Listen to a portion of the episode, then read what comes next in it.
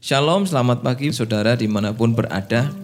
Saya percaya kita makin mengalami kasih Tuhan yang begitu baik dalam hidup kita.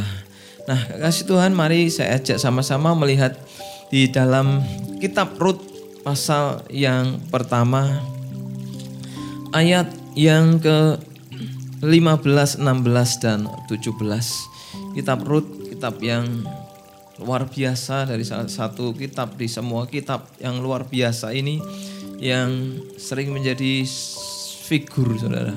Seorang ibu, seorang istri, seorang wanita yang menjadi jawaban di tengah krisis yang hari itu terjadi dialami oleh keluarga Elimelek atau Naomi. Nah, saya bacakan dalam Rut 1 ayat 15 sampai 17. Demikian firman Tuhan.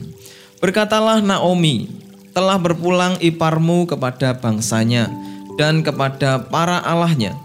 Pulanglah mengikuti iparmu itu tetapi kata Rut, janganlah desak aku meninggalkan engkau dan pulang dengan tidak mengikuti engkau.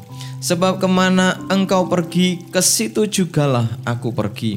Dan di mana engkau bermalam, di situ jugalah aku bermalam. Bangsamulah bangsaku, dan Allahmulah Allahku.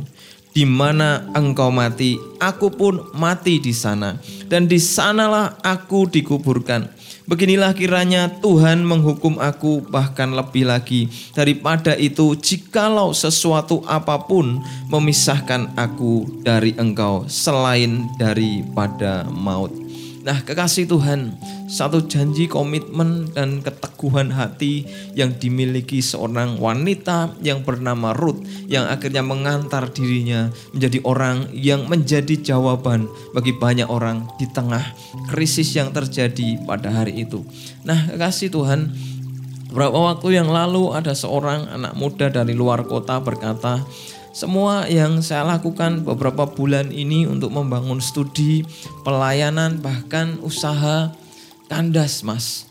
Dan saya terpukul, saya hati saya belum bisa menerima. Nah, saudara yang dikasih Tuhan, orang muda ini akhirnya merasa dirinya gagal dari semua apa yang dikerjakan. Pada dia merasa bahwa itu akan menghasilkan sesuatu yang luar biasa dampaknya. Tapi karena adanya COVID-19 semua harus ada di rumah, semua tidak urusan transportasi pun semua dibatasi bahkan diperketat Saudara sehingga semuanya bagi dia menjadi penghambat dan akhirnya dia mengalami frustasi. Nah, Saudara, karena dia tidak siap dengan sebuah perubahan yang sedang Tuhan tawarkan hari-hari ini. Nah, saya mengingat Saudara ada satu keluarga Saudara yang dulu lama sekali puluhan tahun saudara. Bagaimana keluarga ini kaya ya. Keluarga ini anak Tuhan sebenarnya sih. Dia kaya raya. Waktu kami masih ada di sana di kota itu ya kota yang lah waktu saya masih kecil keluarga ini semua yang wanita perhiasannya teng jerenteng sudah dari kuping sampai tangan sampai kaki-kaki di emasih semua.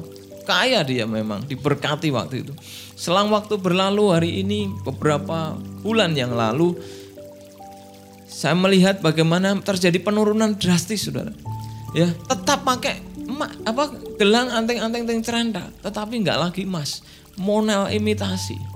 Rupa-rupanya gaya hidup ini ya keadaan yang sudah terbiasa tetapi tidak bisa ditinggalkan orang.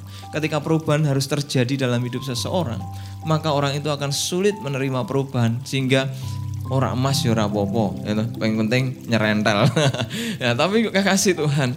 Tuhan mau kita pagi hari ini menyikapi keadaan ini ya berapapun jumlah angka itu saudara kita tidak perlu melihat data tetapi jangan takut dengan keadaan sebab Tuhan pasti membela kita Tuhan pasti menolong kita Tuhan pasti mengatasi krisis corona yang terjadi di bangsa kita. Tapi mari kita fokus dengan Tuhan dan apa yang mau Tuhan kerjakan di dalam kehidupan kita. Tuhan ingin membentuk satu identitas di dalam diri seorang anak muda yang namanya Ruth ini. Nah, saya mau ceritakan di Alkitab bahwa semua saudara waktu itu yang terjadi ya seorang bernama Elimelek ya dan istrinya Naomi dia tinggal di Bethlehem dan suatu kali Tuhan izinkan tanah yang menjadi tanah yang dikenal dengan nama rumah roti, rumah kesejahteraan atau rumah pemeliharaan Tuhan ini harus mengalami kelaparan.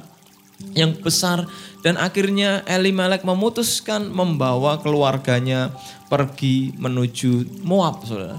Satu hal yang terjadi ketika kita melihat Saudara, Abraham pernah mengalami kelaparan. Tetapi waktu dia mengalami kelaparan, dia dipimpin Tuhan ya, karena dia dia tanya Tuhan, dia tanya visi Tuhan, dia tanya bagaimana dia harus jalan. Kemudian Ishak juga mengalami, Yakub mengalami. Tapi kehidupan mereka berhasil, kehidupan mereka diberkati luar biasa dan mampu mengatasi setiap krisis kelaparan di masa mereka. Tapi Elimelek rupa-rupanya ketika dia meninggalkan rumah roti rumah pemeliharaan itu, mungkin dia berpikir dalam hatinya, Tuhan kok bisa di rumah pemeliharaanmu kami kekurangan. Di rumah di mana engkau menyejahterakan kami, kami miskin. Maka mereka pergi meninggalkan Bethlehem menuju Moab. Memang pada waktu itu Moab yang mereka singgahi adalah satu lembah dan dataran yang di sekitar jurang-jurang dan lembah di situ memang tempat yang subur, saudara.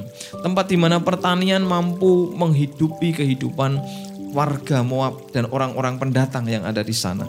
Nah, Tak lama kemudian saudara, nah, kemudian Elimelek tinggal dan keluarganya tinggal di, di Moab akhirnya Elimelek mati.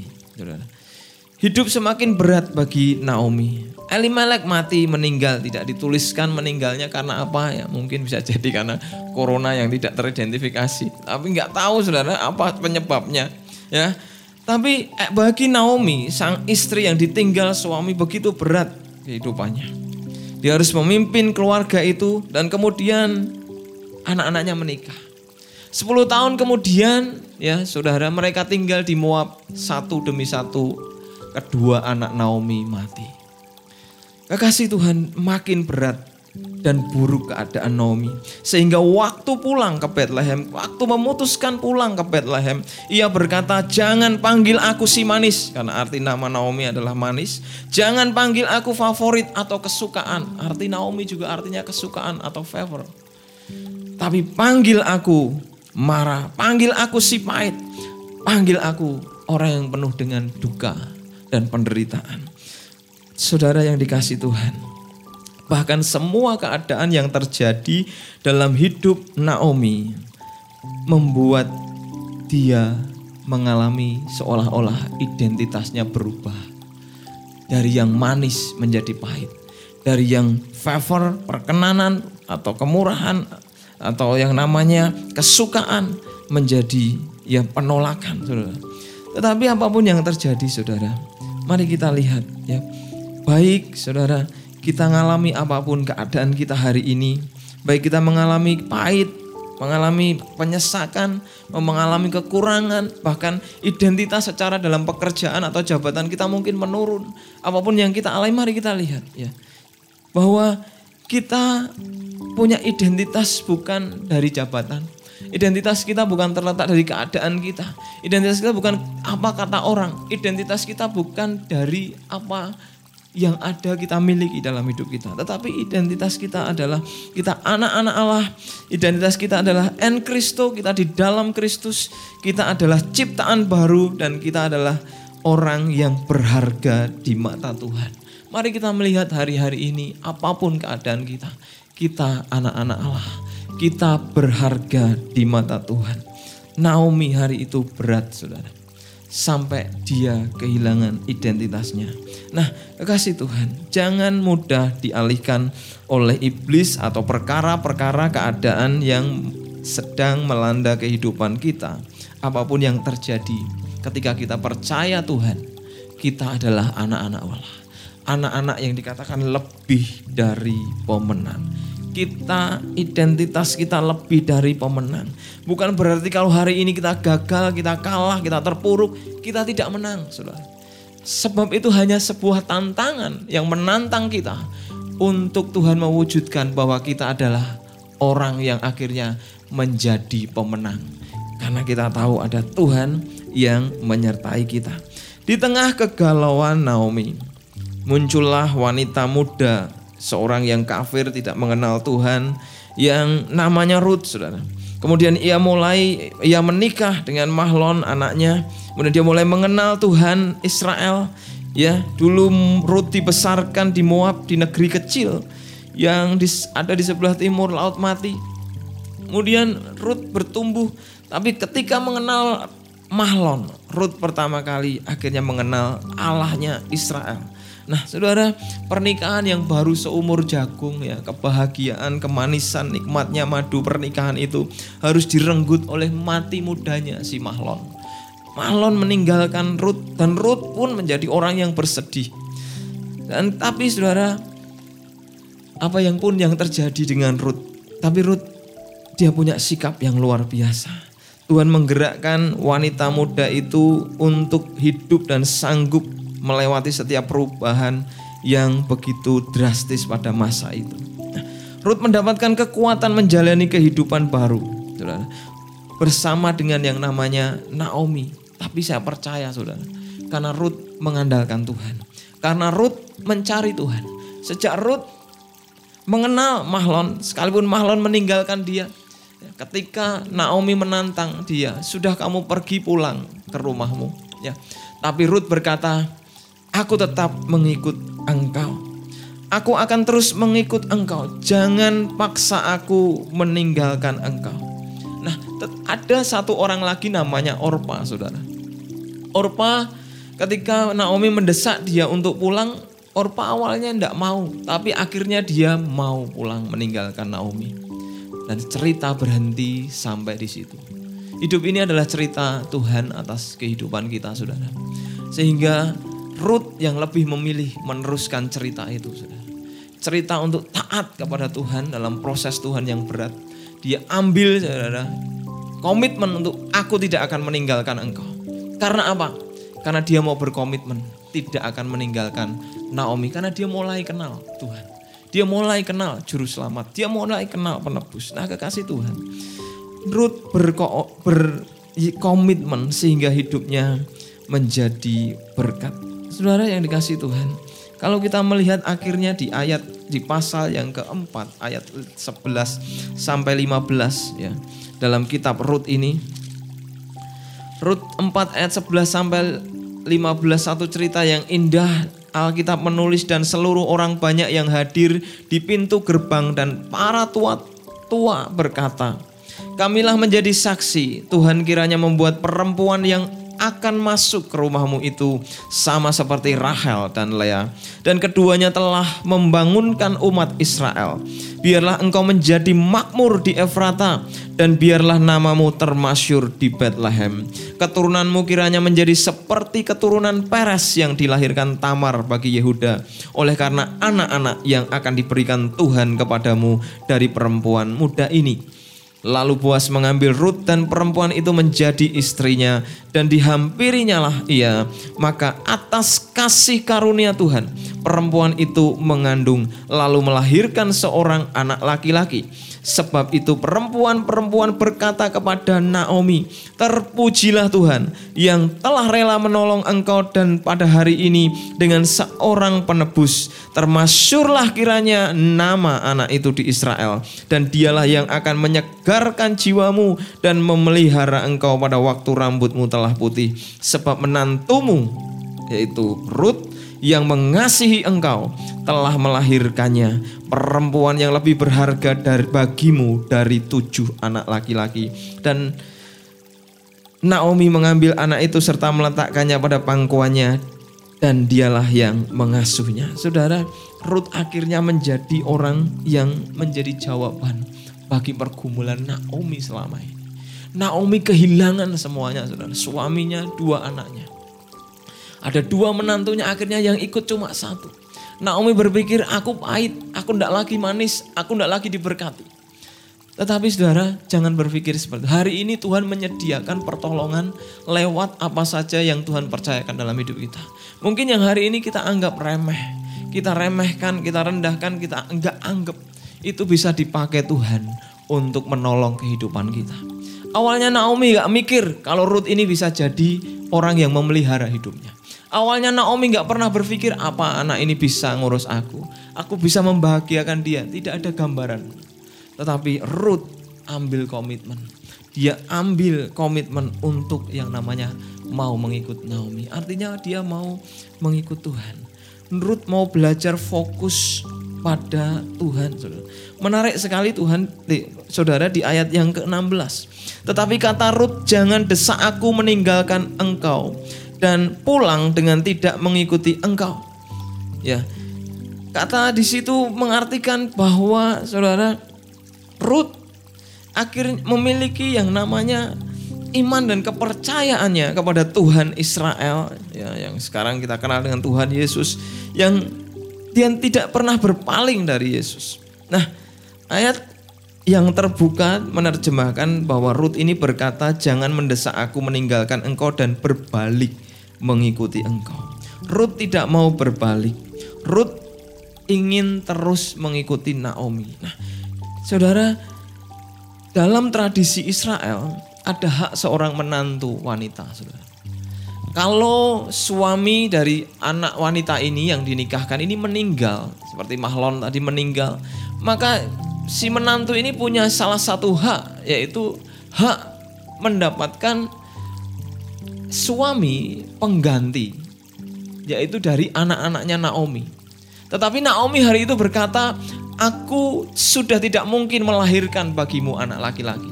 Kalaupun aku melahirkan bagimu, tentu aku sudah sangat tua dan usianya jauh dari kamu. Itu sudah mustahil, gak mungkin.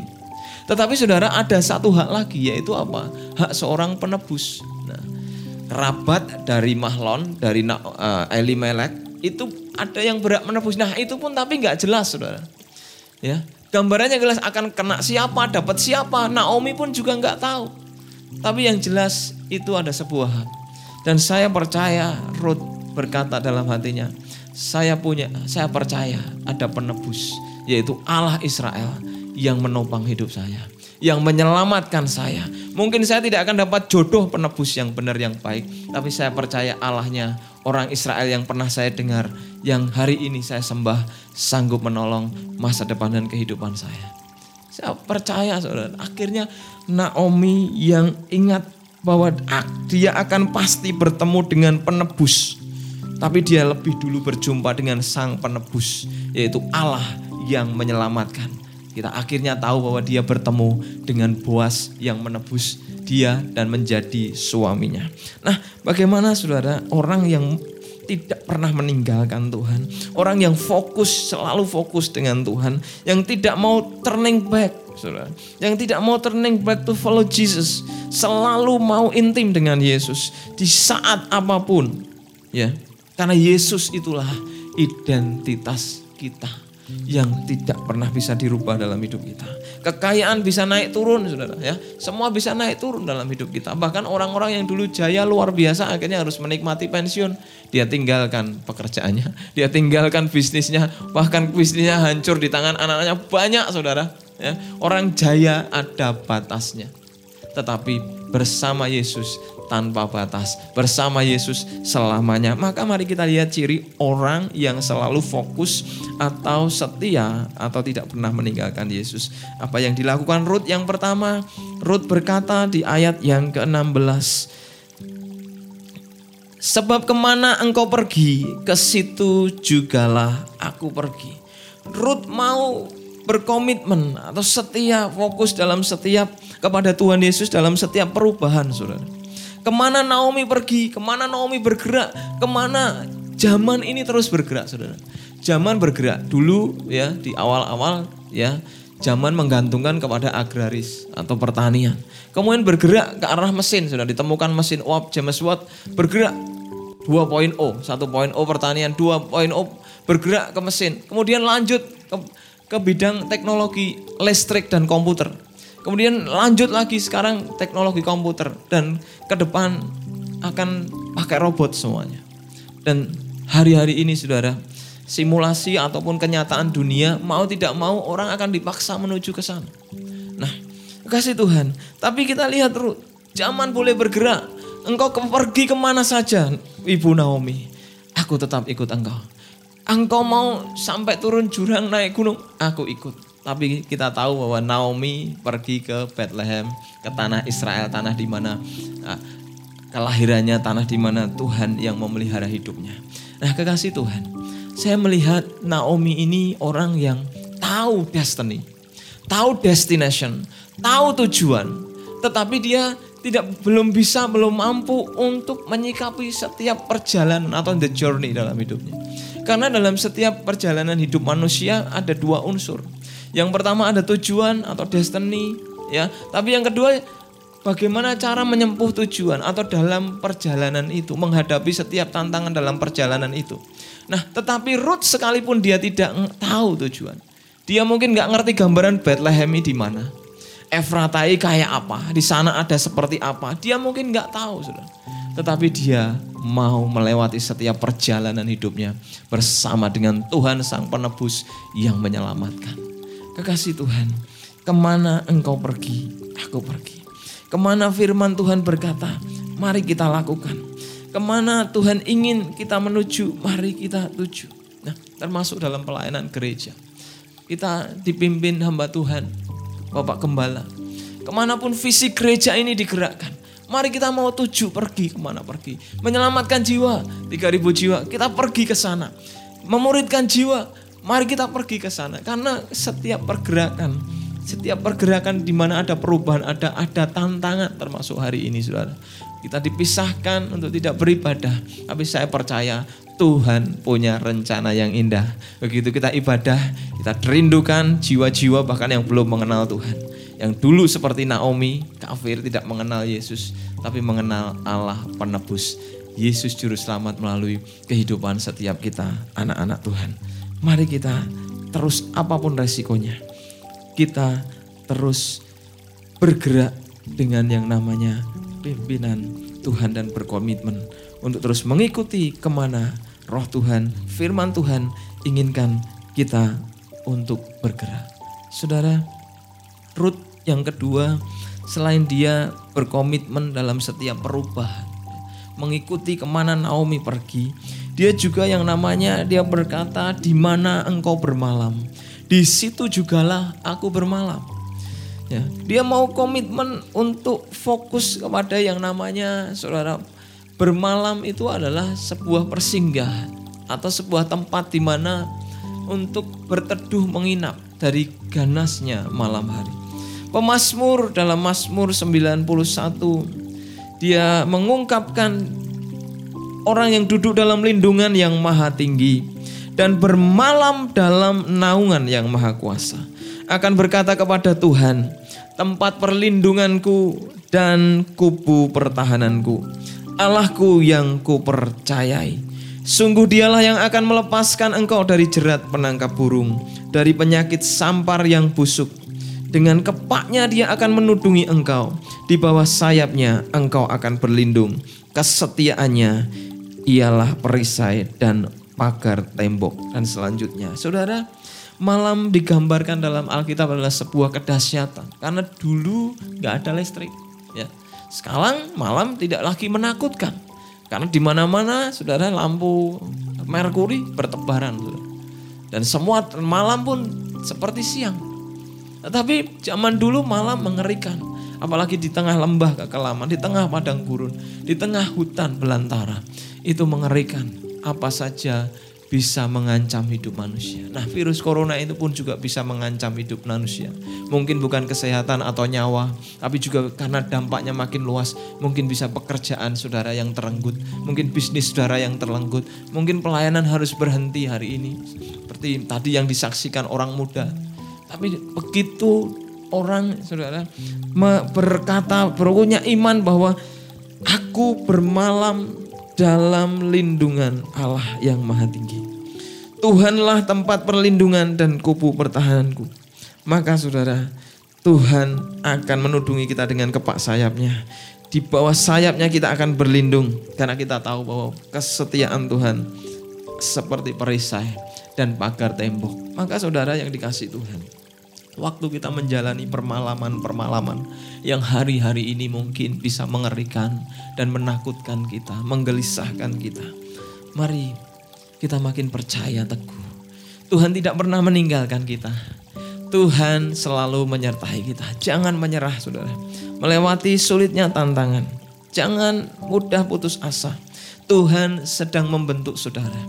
Hanya orang-orang yang akan dipakai Tuhan dengan tanggung jawab yang besar akan dibentuk di hari-hari di saat krisis. Saudara, firman Tuhan mengatakan bahwa kuda diperlengkapi di hari pertempuran. Eh, kuda diperlengkapi untuk sebuah hari pertempuran. Tetapi kemenangan ada di tangan Tuhan. Kita perlu mempersiapkan semuanya karena Tuhan sudah menjamin kemenangan. Agar apa saudara? Agar ketika krisis ini boleh berlalu, kita boleh makin move on bersama Tuhan. Kita boleh makin mampu menaklukkan tantangan. Kita boleh makin diberkati, ditolong, bahkan kehidupan kita menjadi jawaban bagi banyak orang. Seperti yang dialami Ruth. Yang ketiga, Ruth ini punya komitmen dalam membangun relasi dalam pergaulan. Dia berkata, bangsamulah bangsaku. Ruth ada di satu titik di mana sebuah perbedaan tradisi, budaya, peradaban, dan lingkungan. Saudara. Cara makan mungkin berbeda, mungkin Cara berpakaian juga berbeda, cara berkata-kata bahasa berbeda, teknologi berbeda pada zaman itu. Apa yang ada di alami Ruth berpindah dari Moab menuju Israel, Bethlehem, sesuatu yang sulit untuk bisa dia kerjakan.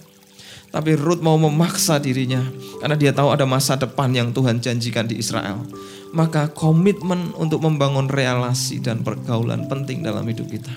Karena pergaulan yang buruk merusak kebiasaan yang baik dalam 1 Korintus 15 kasih Tuhan, ada banyak orang-orang besar yang sebenarnya dipakai Tuhan, tapi dia harus gugur di tengah jalan karena membangun relasi yang tidak baik. Salomo punya masa depan yang dahsyat. Sejak awal baru naik tahta, tabut eh kemuliaan Tuhan turun dan Tuhan berfirman, apa yang kamu kerjakan pasti berhasil. Kemuliaan Tuhan membawa luar biasa sehingga dia menjadi raja yang berhasil, paling berhasil di Israel. Tetapi saudara ketika pergaulan dia memilih istri-istri yang bukan dari orang Israel. Yang tidak kenal Tuhan. Akhirnya Alkitab berkata dan istri-istrinya di masa tua Salomo membawa dia dalam pergaulan penyembahan berhala. Pergaulan yang bukan dengan orang-orang yang mengenal Tuhan. Seringkali akan membawa kita justru akan menyesatkan hidup kita. Maka saudara pertebal iman kita, terus baca firman, terus berdoa, ya memilih pergaulan yang baik, orang yang membangun, tidak bukan berarti dipilih-pilih orang, bukan. Kita harus mengasihi semua orang. Ini masalah level, saudara. Level untuk kita menuju dipakai dipakai Tuhan. Maka orang yang memilih ya bergaul dengan orang yang baik, orang-orang yang hidupnya penuh dengan iman. Maka waktu kita ya mengalami down, tekanan, ya mungkin penderitaan, dan lagi diizinin Tuhan menderita. Maka orang-orang di sekitar kita yang mengenal Tuhan, yang terbiasa dengan firman dan hidupnya dengan firman, maka dia akan berkata, jangan takut, jangan menyerah, ada Tuhan, ada Tuhan. Terus pakai iman, kita akan dikuatkan oleh orang-orang yang mengelilingi kita.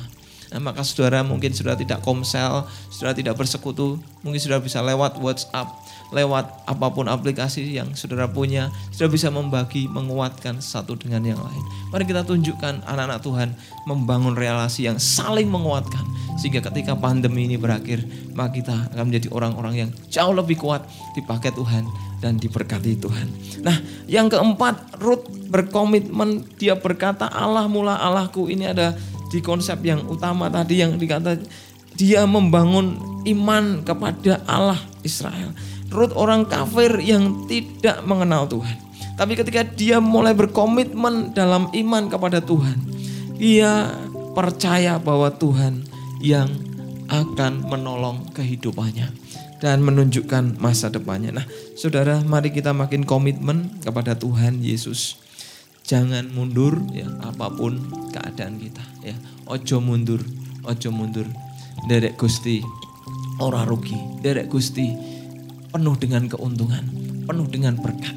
Mungkin hari ini bukan berkat fisik saudara, tapi ada berkat damai sejahtera yang menguasai hidup kita.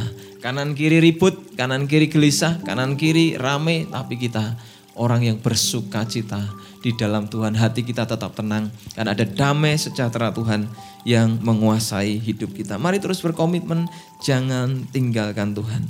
Allah kita sang penebus, penyelamat yang telah mati bagi kita tapi juga bangkit menjamin masa depan kita. Dia selalu setia. Dan Allah inilah saudara yang sedang dia memperkenalkan dirinya. Saudara.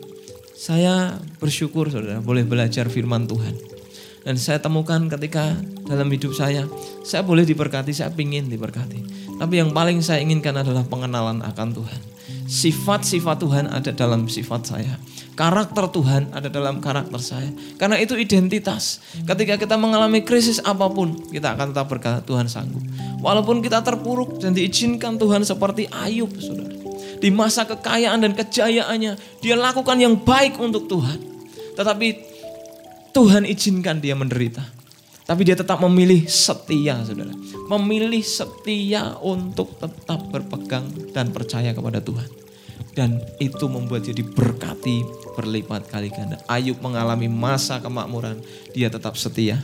Tapi dia juga mengalami masa penderitaan, dia tetap setia. Apa pun keadaan kita, mari kita bawa iman kita makin melekat kepada Tuhan. Setia sampai akhir seperti Ruth berkata, di mana engkau mati, di situ pun aku mati.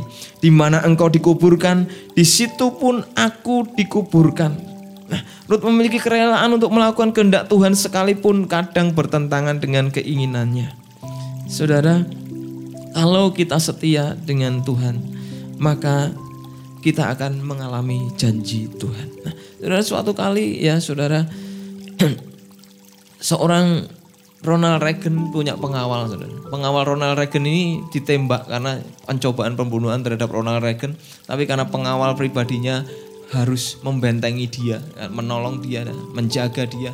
Akhirnya terkena, terkena salah satu bagian tubuhnya dan akhirnya mengalami kelumpuhan. Saudara. Dan presiden Kemudian datang ke rumahnya dan berkata, wah kamu sudah berkorban untuk aku ya, terima kasih banyak. Tetapi apa yang mengejutkan si pengawal Ronald Reagan berkata bahwa tidak Pak Presiden, Bapak Presiden adalah kehormatan saya. Bapak Presiden adalah kehormatan saya. Apa pun yang terjadi dalam hidup saya, engkau adalah kehormatanku. Engkau yang aku tolong, engkau yang aku jaga karena engkaulah kehormatanku. Saudara menjaga iman harus dalam kesetiaan. Iman adalah sebuah penghormatan. Tuhan mati bagi kita, bangkit bagi kita. Dia mati menebus dengan darah yang mahal. Itu sebuah penghormatan yang tiada tara dan nilainya dibandingkan apa pun yang akan kita capai di seluruh di dunia ini. Maka kalau kita menganggap itu sebuah penghormatan yang besar, maka apa pun yang terjadi, kita akan kayak pengawal ini. Aku akan menjaga kehormatan ini, bukan menjaga Tuhan, Tuhan yang menjaga kita. Ya, kita menjaga iman ini, kehormatan yang Tuhan berikan dalam hidup kita. Kita setia. Seperti Ruth berkata, di mana pun kamu mati, aku akan mati. Saudara, mari kita punya komitmen. Dalam panggilan saya melihat Nuh, dia mengerjakan kesetiaan itu selama 120 tahun lamanya. Membuat bahtera. Semua tetangganya diundang, dipanggil untuk mengikuti Nuh. Ya, tetapi mereka menolak. Nah, tapi binatang diundang tetapi mereka mau masuk. Ada semut, ada siput, ada binatang yang kecil-kecil. Sekalipun pelan mungkin mikir nggak nyampe-nyampe. Tapi akhirnya mereka masuk juga ke dalam bahtera dan selamat saudara. Manusia yang menolak tidak selamat. Nah, maka saudara mari kita lihat keadaan ini. Mungkin kita pelan, tertati, lambat. Kesetiaan akan membawa kita sampai kepada tujuan. Kita anak-anak Tuhan dipanggil untuk setia setelah kita menerima iman keselamatan. Untuk menjalani kehidupan kita dipanggil untuk setia sampai akhir kepada Tuhan. Faithfulness, mengakhiri iman di garis akhir. Maka Kesetiaan itulah tujuan itu sendiri. Kesetiaan adalah purpose atau destination dan the journey itu sendiri. Allah adalah setia dan ia ingin kita hidup percaya dan menjadi orang yang setia seperti Allah yang sudah lebih dahulu setia. Mari saudara kita alami apa yang dialami Ruth. Breakthrough.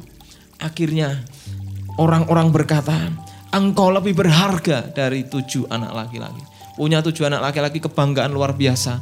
Tetapi Naomi hari itu mengalami kebahagiaan yang jauh lebih bahagia hanya karena Ruth ada di sisinya. Ruth menjadi jawaban. Ruth diberkati Tuhan, namanya dikenang di cerita sejarah kehidupan iman kita. Ruth dikenang dan cerita itu tidak berhenti. Mari kita teruskan cerita-cerita orang-orang yang dipakai Tuhan ini. Kita alami breakthrough, kita alami pertolongan Tuhan.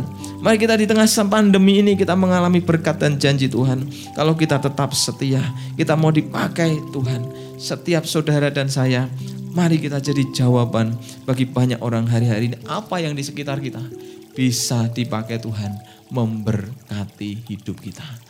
Maka mari kita seperti Ruth ambil komitmen yang akhirnya dia menjadi jawaban bagi doa dan harapan Naomi, Boas dan orang Bethlehem Efrata.